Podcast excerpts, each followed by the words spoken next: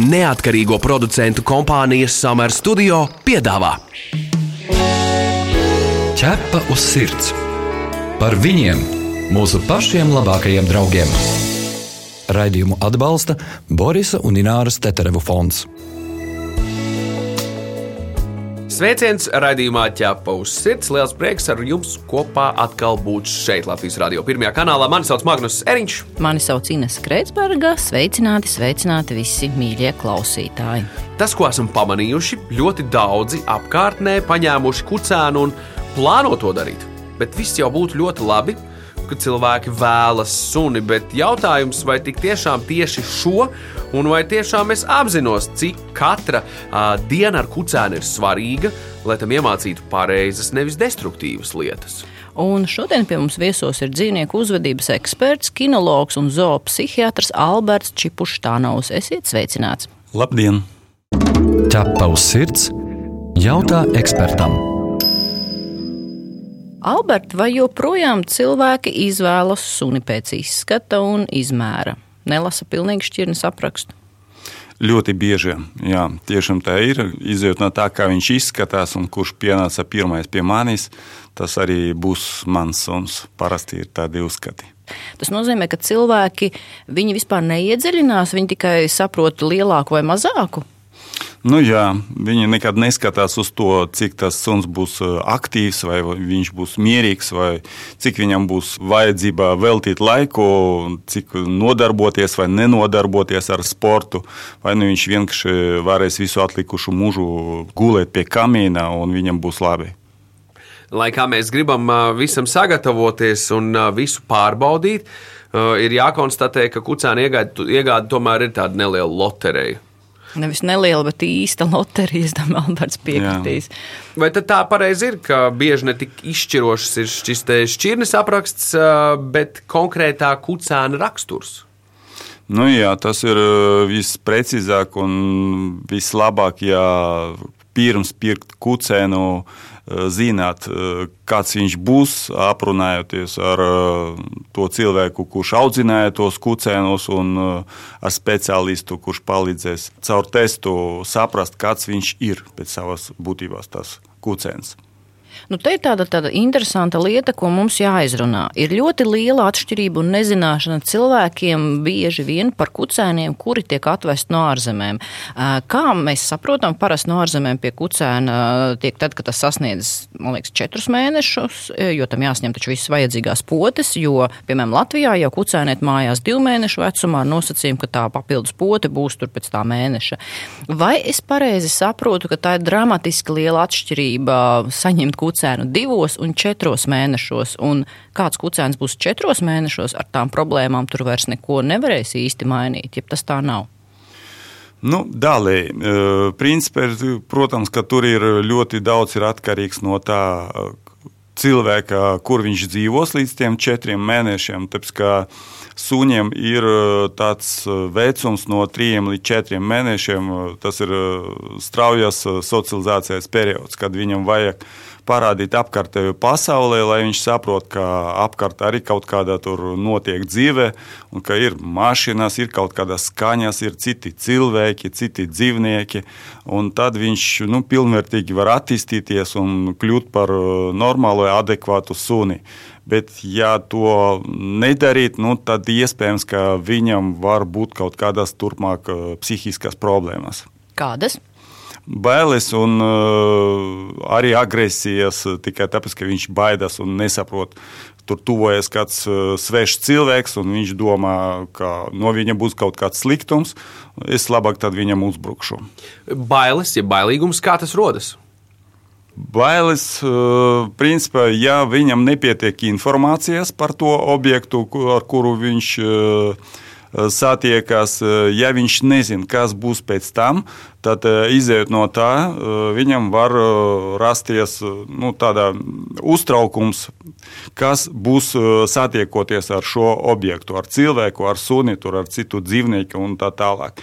Un, ja viņam nav pieredzes, viņš nezina, ko gaidīt no šīs tikšanās, tad viens suns var no tā vienkārši slēpties, bēgt projām, un cits uzbrukt tikai tāpēc, ka viņam ir bailes. Viņš preventīvi grib aiziet šo objektu, kurš viņam liekas neprognozējams. Paga, paga, vai mēs no tā saprotam, ka, ja, piemēram, četru mēnešu vecumā kucēns ir bailīgs, visticamāk tas tāpēc, ka viņš nav iepazīstināts ar dažādām skaņām, situācijām, un tikai tāpēc viņš ir bailīgs? Nu, šeit grūti teikt, ka melns un balts, tāpēc ka visu nosaka ģenētika. Un, ja ģenētiski tomēr viņam ir nu, vairāk tieksme uz, uz tām bailēm, tad strādājot ar viņu, parādot viņam laicīgi to pasaulē, sākot no pilnīgi tur, no mazotnes, tur pat nerunājam par mēnešiem, tur varbūt no trīs nedēļu vecuma, ja viņam ir tikšanās ar svešiem cilvēkiem, un tad līdz četriem mēnešiem mēs varam dabūt suni, kurš plus mīnus adekvāti var, viņš saprot, ka tas svešs cilvēks nenozīmē kaut kas slikts, ka viņš nav bīstams. Un uh, otrādi, ja sunim ir ļoti stipra ģenētika, dažreiz ir situācijas, ka viņš vispār nebija redzējis, uh, dzīvojis kaut kur dziļi laukos un nebija redzējis pilsētu. Tad uh, četros mēnešos atbraucot uz pilsētu, viņš jūtas kā mājās. Tikai tāpēc, ka viņam ļoti stabila psihe un viņš adekvāti reaģē uz visu. Tātad vēlreiz precizēsim, kuri mēneši ir vissvarīgākie, lai kucēnu socializētu un mācītu. Jo, ja pareizi varam saprast, tad kucēns gluži kā sūklis visu uzsūc. Jā, pats svarīgākais vecums ir no 3 līdz 4 mēnešiem vecumā. Oho, tikai tas, tas viens, tas vissvarīgākais mēnesis nu, jā, no 3 līdz 4. Jā. Tātad, principā, viņš atspoguļo, nu, teiksim, ja, piemēram, cilvēku mūža griezumā kaut kādus pusauģu gadus, ja tieši to pirmos septiņus gadus, kāpēc viņš ir svarīgāks? Tad psihe veidojas tieši. Nu, tas ir tāds vecums, kad uh, viņš vēl varbūt uh, vairāk zinkarīgs nekā bailīgs. Un tāpēc viņš var uh, iemācīties, ka tas uh, cilvēks, suns vai no nu, cits svešs objekts, viņš nav bīstams. Tikai tāpēc, ka viņam tas ir uh, daudz interesantāk iepazīstināt uh, šo objektu, nekā ja viņš būtu jau nu, vecāks. Tātad jūs teicāt to svarīgo mēnesi no 3 līdz 4 mēneši. Tātad vai pareizi saprotu, ka tas, kas kucēnā ir ielikts destruktīvs vai pozitīvs līdz 4 mēnešiem, pēc tam to varētu būt grūtāk mainīt? Jā, pirmā pieredze kūcienā dzīve ir pati pati svarīgākā. Ja viņš no kaut kā nobijās, kad viņš bija maziņš, tad tas bailes var arī palikt, arī, kad viņš būs pieaugušs. Tāpēc tai pieredzei nu, jāsākās pēc iespējas ātrāk, un uh, vajag ļoti, ļoti tā, nu, teiksim, adekvāti pieiet pie tā. Nevajag uzreiz, ja mēs redzam, ka mums kūcens ir nu, nedaudz bailīgs, nevajag viņu uzreiz tur vilkt pie maksimas, tur uh, Rīgas centrā, tur, kur skaņa, cilvēki un vispārējais. Lai viņam ne, nebūtu trauma, psiholoģiska trauma. Tu esi mans draugs, ķepus sirds. Alberts, sakiet, kas būtu noteikti jāiemāca un kādas lietas uzvedība būtu jāizskauž sunim? Nu, eh, paņemot eh, kucēnu mājās, viņam vajag iemācīt, ka šajā mājā ir kaut kādi dzīvošanas noteikumi. Tāpēc, ka parasti visvairāk cilvēku uztrauc eh, nu, teiksim, tā, divi lielākie faktori, nu, varbūt pat trīs. Eh, Pirmajam kārtam viņš eh, čūrā uz grīdas, viņš čūrā mājas. Tas nozīmē, ka mums, mūsu mērķis ir iemācīt viņam, ka drīkst to darīt tikai ārpus mājas. Iemācīt viņam. Otrais moments, ka nedrīkst eh, ņemt no galda ēdamais. Tāpēc, ka suns dabā barojas tikai tāda veida, ka viņš apēd visu, ko var apēst, ko viņš var atrast. Attiecīgi, mājās viņš arī pilnīgi normāli, ja viņš apēd tur jūsu kaut kādu tur, nezinu, gaļiņu, kurā stāv šķīvi uz galda, un no suņa uzskata, tas ir pilnīgi normāli. Un trešais moments - tā košana, no kuras visvairāk arī cieš bērni. Kā viņš atnākot mājās, viņš sāk komunicēt ar cilvēku tāpat kā ar suņiem. Suņi savā starpā koš viens otram, spēlējoties, pārbaudot viens otru, un tas ir normāli. Tāda veida vispār kodiens ir komunikācijas veids. Un, kad viņš atnāk pie mums mājās, viņš koš mums kājas, rokas un dažreiz pat ļoti sapīgi. Un, Kā reaģēt pareizi? Pareizi ir sākumā parādīt, ka man tas uh, nepatīk, un tad es neturpināšu ar tevi komunicēt, spēlēties, tur glaudīt, runāt un tā tālāk. Ja tas nepalīdz, tad, uh, protams, vajag parādīt, ka jums sāp. Vajag skaidri, nu, tur nu, nevis kliegt viņam virsū, bet nu, parādīt, ka jums sāp, ka jums nepatīk to, ko viņš dara. Nu, un, ja viņš to nesaprot, tad nu, censties nepieļaut to diezgan stingri. Pieturēt viņu, un kad viņš nomierinājās, tad iedot viņam kaut kādu spēli un tad paspēlēties ar viņu. Vēl ļoti būtisks faktors, ko es noteikti gribētu minēt šajā raidījumā par barošanu. Ja? Piemēram, nu, teiksim, varbūt mēs varētu izstāstīt to stāstu par to, cik bieži jābūt pieejamam sunim barībai un uh, kā tas attiecas uz kucēnu. Vai arī kucēnam nedrīkst būt pieejama barība visu laiku? Kā jūs komentētu šo? Barošana tas laikam viens no svarīgākajiem momentiem. Tāpēc, ka suns ir sociāla būtne. Izejot no tā, viņš grib ieņemt mūsu ģimene kaut kādu vietu hierarhijā. Viņš neapzināti cenšas ieņemt visaugstāko vietu. Viņš grib būt līderis. Un, lai mums necīnīties ar savu suni visu atlikušo mūžu, mums vienkārši pareizi viņu barojot, var panākt, tas attiecības ar suni, hierarhijas jautājums būs atrisināts automātiski. Suni vajag barot nu, kaut kādu noteiktu laika, un tas reizēs, nu, varbūt, kad mazs kūcens, tad tur no četram, četras, trīs reizes diena, un pieaugušu suni vienu, varbūt divas reizes diena. Un, kad mēs dodam barību, tai nedrīkst palikt uh, bļoda. Ja viņa palika, tad mēs uh, uzreiz ņemam bļodu nost. Un uh, ātri jābūt nu, ātri apēsts, viss, kas ir piedāvāts. Tad šajā gadījumā suns skatās uz mums kā uz dievu un gaida, kad vi, jūs viņu barosiet. Bet, ja bļoda stāv visu laiku pilna, tad uh, mēs šajā gadījumā esam kalpa lomā. Mēs vienkārši skatāmies, lai vienmēr būtu pilnas bļodas un lai būtu viņam tur viss garšīgi. Un, ja tas viņam negaršo, tad mēs pieliksim klāt tur vēl kaut kādu vistiņu, tur vēl kaut ko.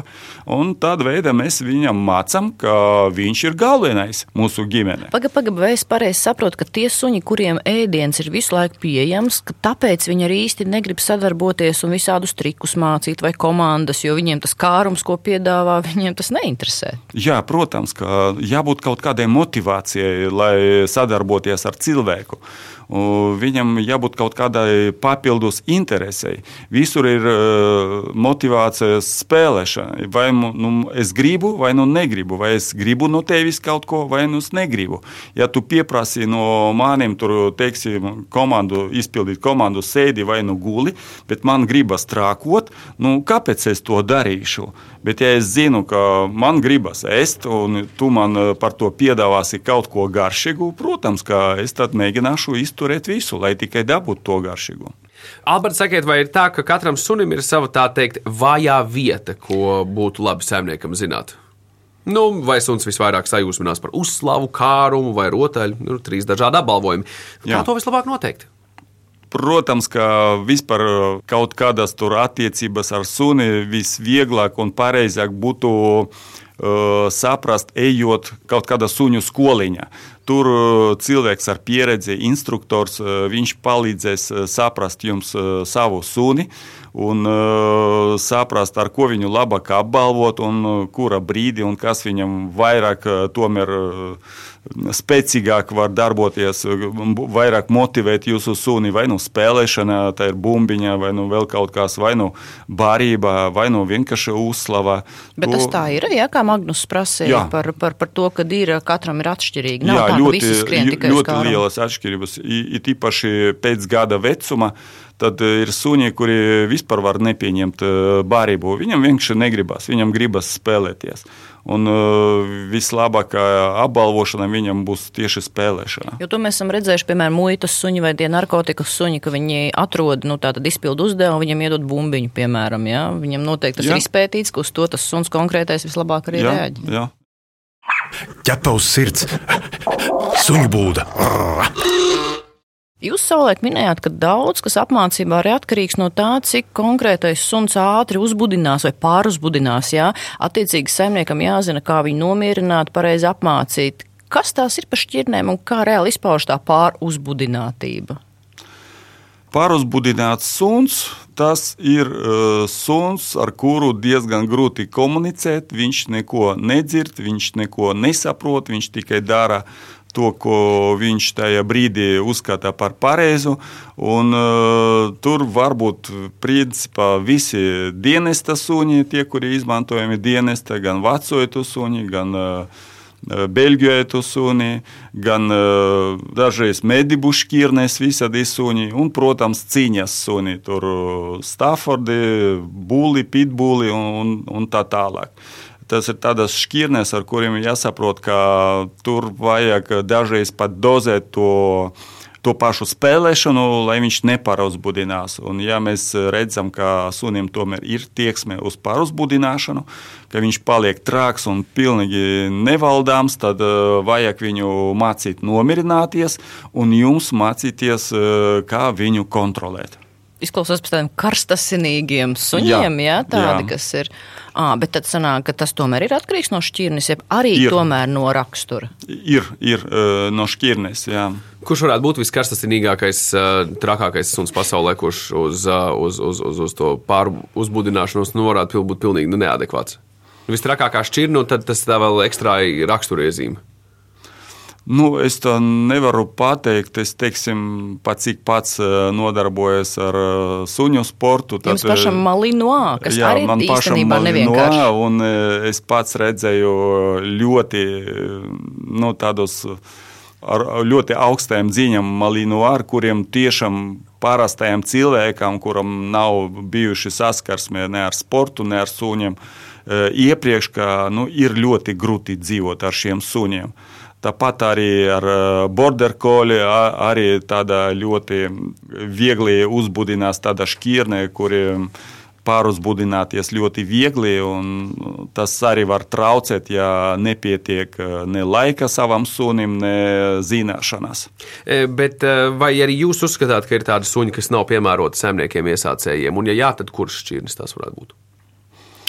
Nu, iesācējiem nu, varbūt to pašu malinoā var eh, minēt, bet, protams, ka tur vienmēr jāskatās individuāli. Tad, ka pat viena metiena var būt arī ļoti dažādi kūcēni. Tie vienalga var būt malinoā, var būt eh, cīņas suņi, kuri ir ļoti stipra raksturā un, ja eh, saimnieks ir ļoti vājš, es domāju, psiholoģiski tad uh, viņš arī var uzskatīt, ka viņš var būt saimnieks mājās, un līdz ar to var būt rasties kaut kādas nepatikšanās. Tie paši border collie arī neiesāku cilvēkam, kurš negrib nu, ļoti aktīvi pavadīt laiku ar savu suni. Jo border collies ir pilnīgi nenogurdināms. Pilnīgi. Jā, es domāju, ar to arī cilvēki daudzi nav, nav rēķinājušies, jā. kāpēc tas tā ir. Diezgan līdzīgi malinoā. Starp citu, ārzemju patversmēs ir ļoti daudz malinoā, un par ko tas liecina, ka cilvēki paņem vai kāds smuks sunītis ir un tā, un tad viņi patiesībā netiek galā visticamāk ar jau to uzvedību, kas destruktīva, pareizi? Nu jā, tāpēc, ka ja viņam nebūs kur realizēt savas emocijas, eh, savu enerģiju, tad viņš, protams, ka viņš to mēģinās realizēt mājās, tur, kur nevajag. Atgādinām, ka pie mums viesos šodien ir dzīvnieku uzvedības eksperts, kinologs, zoopsihiatrs Alberts Čipuštānos, un mēs diskutējam par to, kā pareizi izvēlēties kucēnu, un ka tas jāizvēlas ne tikai pēc izskata, bet arī jāizpēta kucēna raksturs. Šo radio pārēdi varēsiet dzirdēt arī podkāstu formā, populārākajās straumēšanas vietnēs, kā arī Latvijas radio lietotnē un arī dzēn mājaslapā arhīvu sadaļā. Ķepa uz sirds skaidro faktus. Suņi manipulatori. Tas ir iedzimts, vai saimnieks to veicina? Un kā, nu, kucēns reizē, ak, cik burvīgi, un pēc tam īsti tas vairs nepatīk. Kā vēl mēs sunim norādām, ka, hei, tu visu to vari darīt? Nu, es domāju, ka visi suņi ir manipulatori. Un, eh, ja pieļaut eh, viņam manipulēt, ja mēs eh, darām to, ko viņš grib, tajā brīdī, kad viņš manipulē, tad viņam attīstās tā saprāšana, ka viņš var no mums dabūt vairāk nekā mēs viņam teiksim, dodam šajā brīdī. Un, protams, ka to arī diezgan var veiksmīgi regulēt, ja pareizi apmācot sunim. Bet kā tomēr tas kucēns manipulē? Jo, piemēram, ļoti daudz saimnieku nemaz nesaprot, kā ar viņiem manipulē. Piemēram, dodamies mājās, suns ātri mūs apdzen, pirmais ieskrien pa durvīm iekšā, un saimniekam ir brīnums, ja viņam pasaka, re, suns ar tevi manipulē. Kā?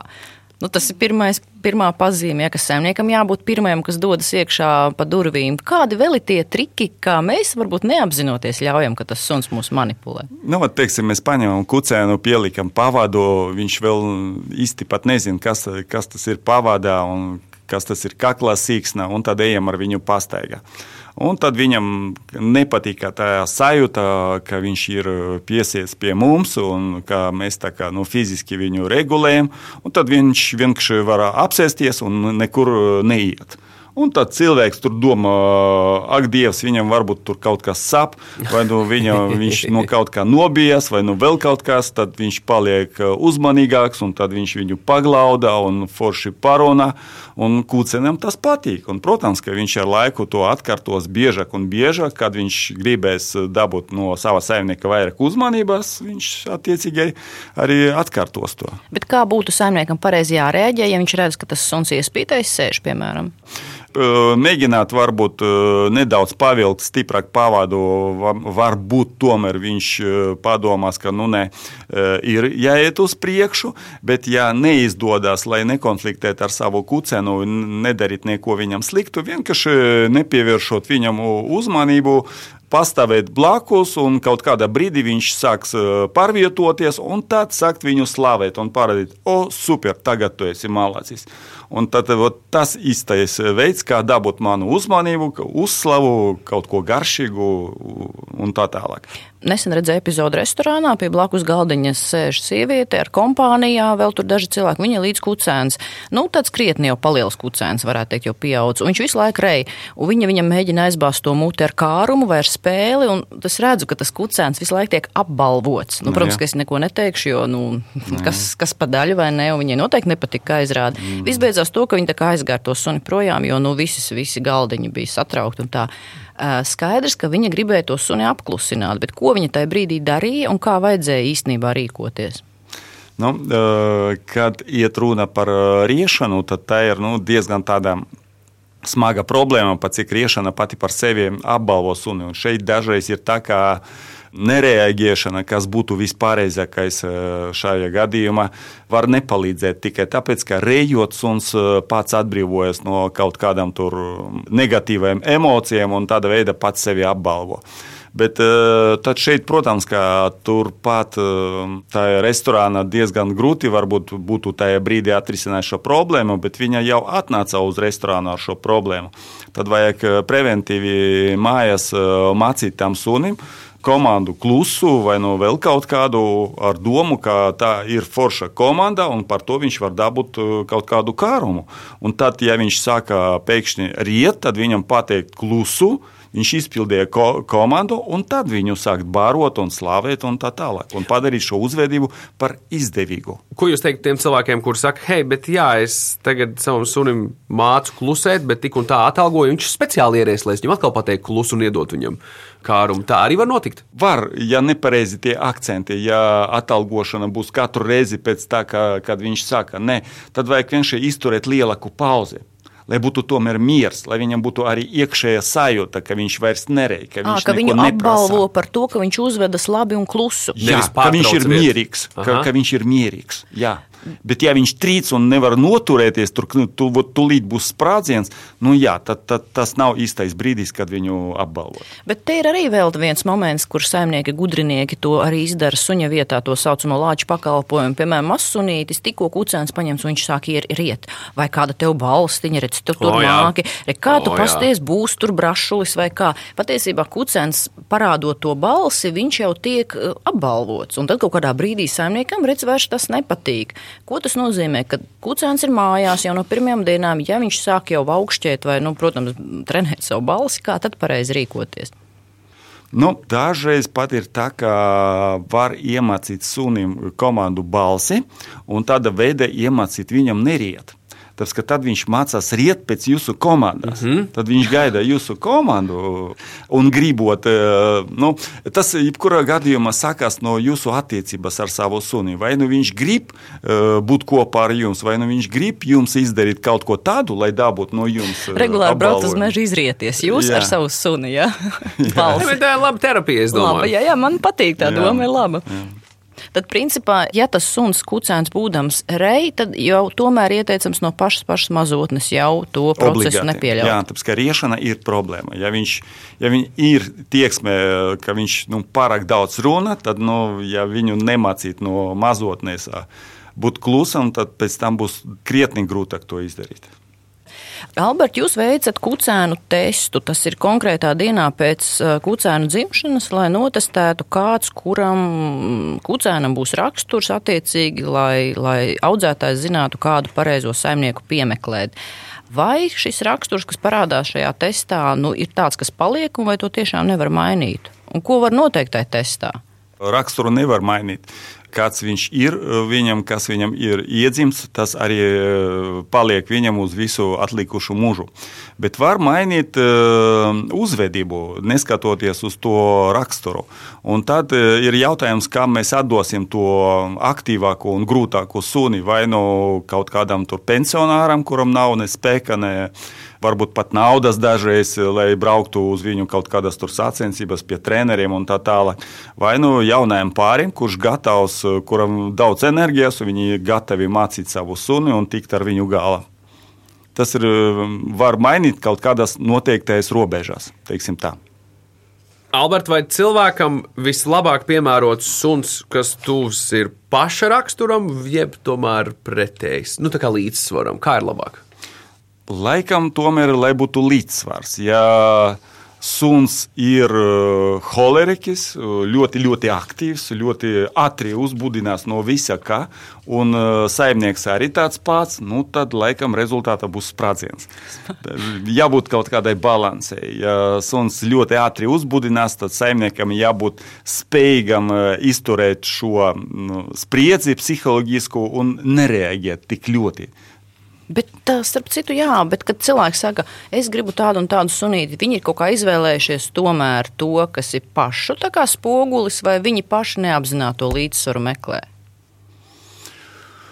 Grūti pateikt. Uh, Godīgi sakot, nekad nebiju domājis par to, bet nu, tomēr uh, es domāju, ka katrs meklē sev uh, suni tādu, kuru viņš saprot, uh, kādam jābūt tam sunim. Vai nu ģimenes draugam, vai nu sārgam, un tad viņam jābūt uh, rejošam, un tādam, kurš spējīgs iekost, un tā tālāk. Un tad viņš skatās, cik tas uh, sunītis ir aktīvs, un reivīrsu vai nereivīrsu, vai nu viņš tur slēpjas un baidās. Un, un tad izjūt no tā, viņš sev izvēlās to kucēnu. Visur kopā - ķepus sirds. Nu, re, kā meklējiet, meklējiet, meklējiet gan savu dvēseles radinieku, gan cilvēku, gan suni. Ja? Viss ir jāmeklē, kamēr atrodat to, kas jums ir piemērots. Paldies, Albert, par sarunu šajā reizē. Pie mums viesojies Alberts Čipuštānos, zoopsihiatrs, dzīvnieku uzvedības eksperts un kinologs. Paldies, Paldies. vēlreiz! Paldies! Bet atgādinām, ka ķēpos sirds TV sezona atsāksies jau pavisam drīz Latvijas televīzijas pirmajā kanālā jau no septembra ierastajā laikā un vietā.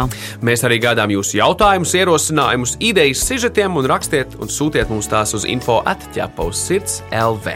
Bet šajā raidījumā tas ir arī viss. Mani sauc Ines Kreitsberga. Mani sauc Magnus Eriņš. Raidījumu veidoja neatkarīgo producentu kompānija Summer Studio. Visu labu! Atā! Ķepa uz sirds! Informatīvi izglītojoši raidījums par dzīvnieku pasauli un cilvēkiem tajā. Raidījumu atbalsta Borisa un Ināras Teterevu fonds.